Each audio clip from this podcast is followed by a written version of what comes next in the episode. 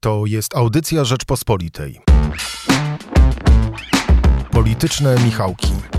Zapraszają Michał Szułdrzyński i Michał Kolanko. Piątek 13 listopada. E, zapraszamy Państwa na nasze cotygodniowe podsumowanie polityczne Michałki, czyli Michał Szułdrzyński i Michał Kolanko, dzień dobry.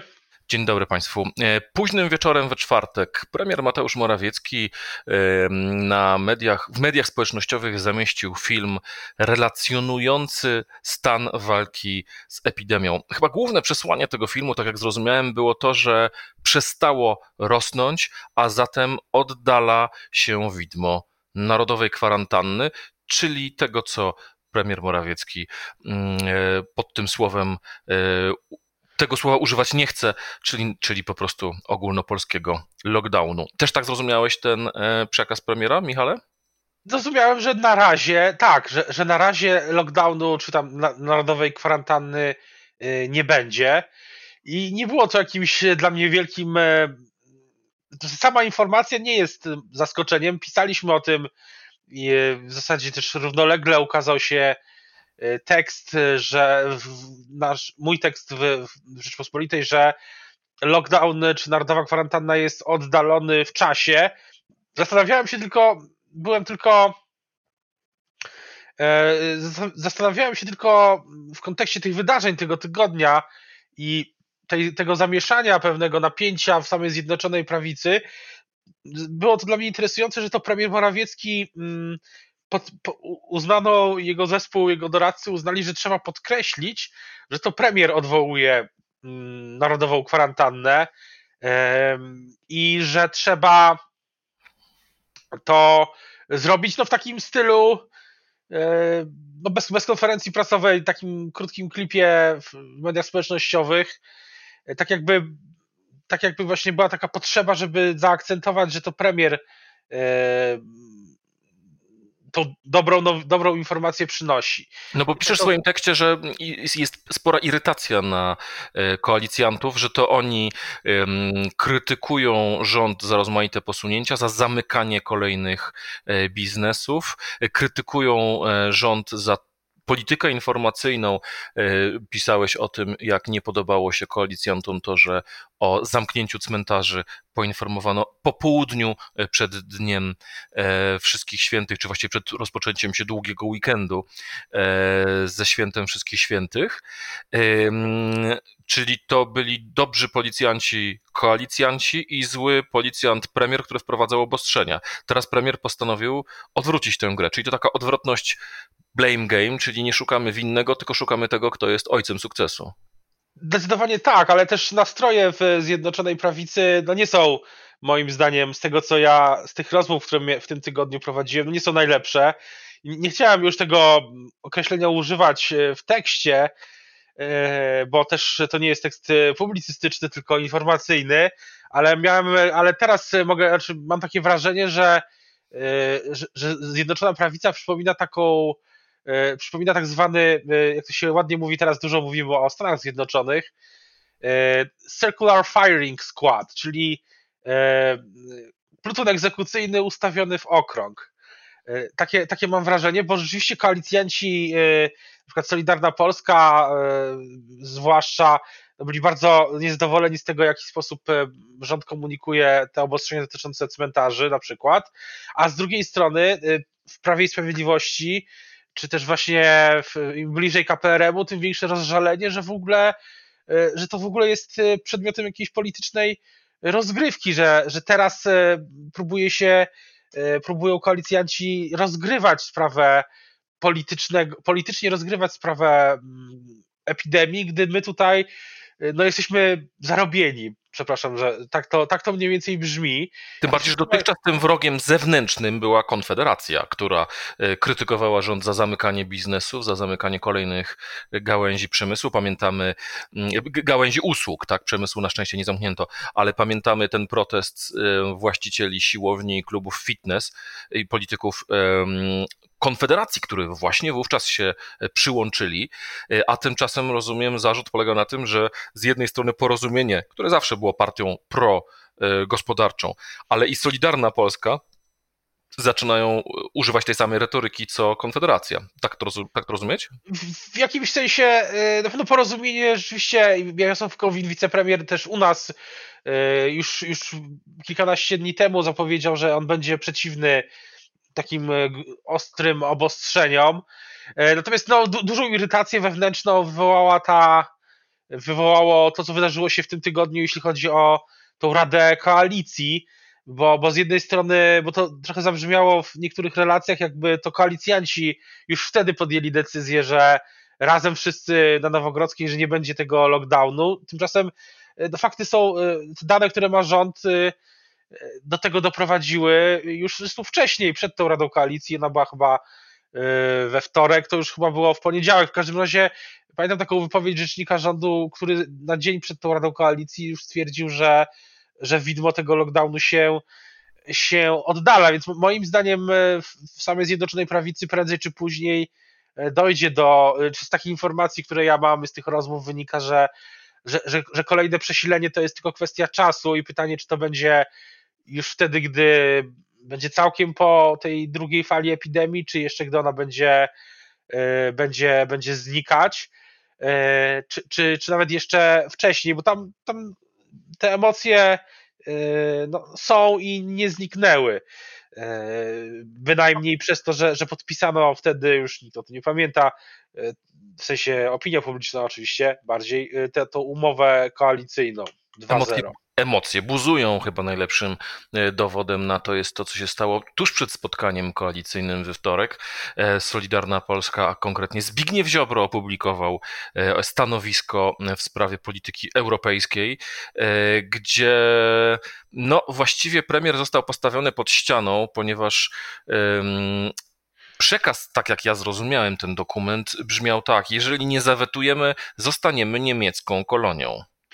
No, polityka europejska to jest kolejny punkt y, zapalny, ale tych punktów zapalnych jest sporo w samym też PiSie. No, jest, y, do tego pewnie przejdziemy. No jest ta cały czas to widmo tego buntu, czy tej secesji grupy Jana Krzysztofa Ardanowskiego. Są nie do końca zadowoleni, niezadowoleni całkowicie, nawet czasami konserwatyści. E, jest kwestia niezadowolenia z działań policji, E, jeśli chodzi o 11 listopada, no wczoraj w czwartek e, była narada, ona nie była pilna, po prostu narada, która była planowana wcześniej, ale przesunęła się na, na czwartek, no ale było tam nieprzyjemnie z tego, co słyszałem, e, nawet bardzo nieprzyjemnie, która dotyczyła właśnie działań policji 11 listopada, więc no ja mam takie wrażenie, że ta lista z każdym dniem, tygodniem, jak robimy te podsumowania, to ta lista się zwiększa tych e, problemów, a nie zmniejsza. Ale jak, uważa, jak uważasz, e, jaki był cel tego oświadczenia dotyczącego polityki europejskiej? Bo to też wygląda na ściganie się Konfederacji e, Zjednoczonej prawicy, a właściwie prawej flanki Zjednoczonej Prawicy, czyli właśnie Solidarnej Polski Zbigniewa Ziobry, e, ściganie się na e, antyeuropejską retorykę właśnie z Konfederacją. No hasła nie chcemy być niemiecką kolonią, e, to były mm, takie zagrania w stylu Patryka Jakiego, który mówił w Parlamencie Europejskim, że krytykujecie nas, bo nie stoimy, nie trzymamy się już niemieckiej nogawki, ale mm, tutaj widać, że E, Solidarna Polska robi to, czego obiecała nie robić, e, czyli pokazywać, że to ona jest tym, kto broni polskiej tradycji, e, kto broni prawdziwych konserwatywnych wartości, a PiS jest taki rozwodniony, no bo jeszcze chce się tutaj dogadywać z Unią Europejską.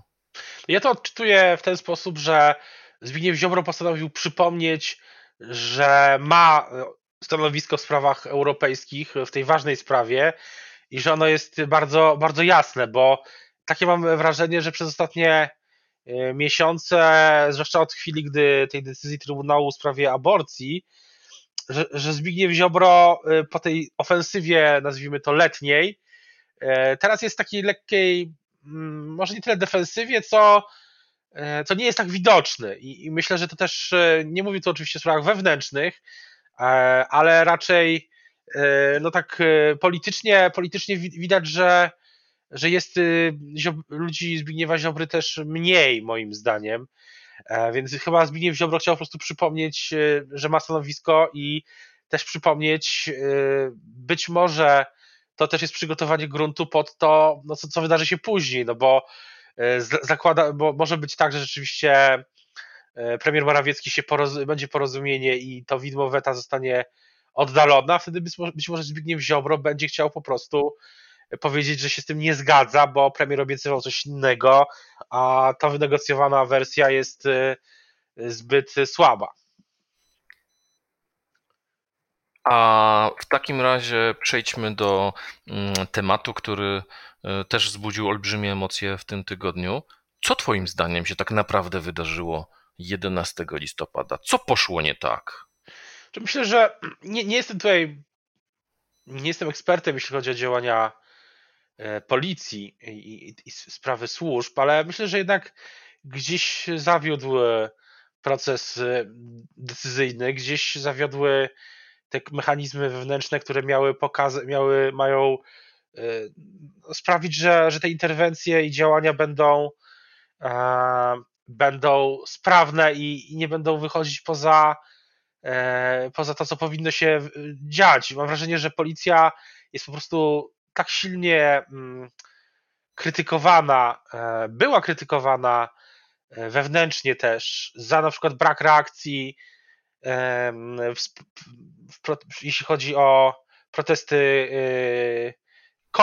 kobiet, strajku kobiet, że, że teraz być może nastąpiło nastąpił mechanizm odwrotny. No, nie chcę tutaj się z tego śmiać, bo to jest y, bardzo, bardzo y, poważna sprawa, ale dostałem takiego SMS-a od poważnego polityka PiS, który napisał mi, że no, przesłanie było takie, że, że prezes Kaczyński, jeśli miał pretensje kiedyś, że, że policja zachowuje się zbyt miękko, no to już teraz tych pretensji nie ma.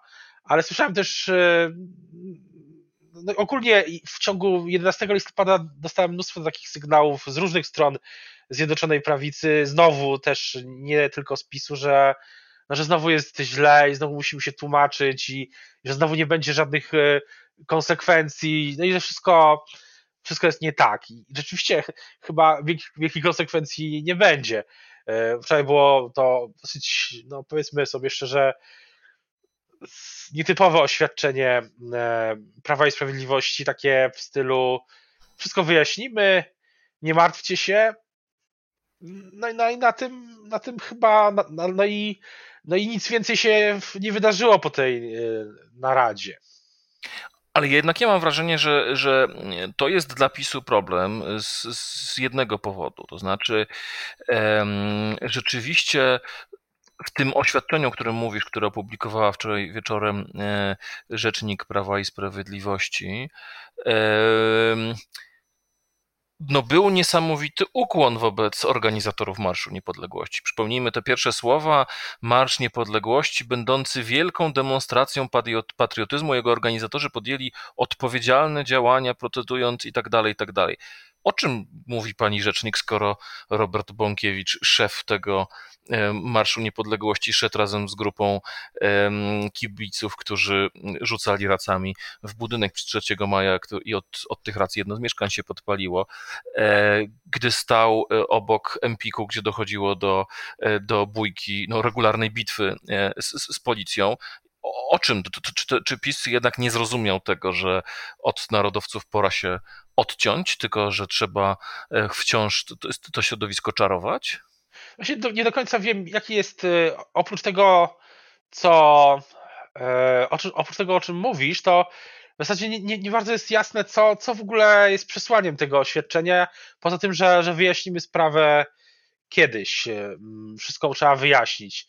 Ja mam wrażenie, że PiS nie jest do końca, że władze PiS nie wiedzą do końca, jak się spozycjonować, tak jak mówisz, wokół tego E, marszu. I to jest taki problem, który, e, którego znowu też nie do końca był jakiś polityczny plan na ten marsz, no bo był kiedyś, pamiętam jak była rok czy dwa lata temu, był ten plan dotyczący tego osobnego marszu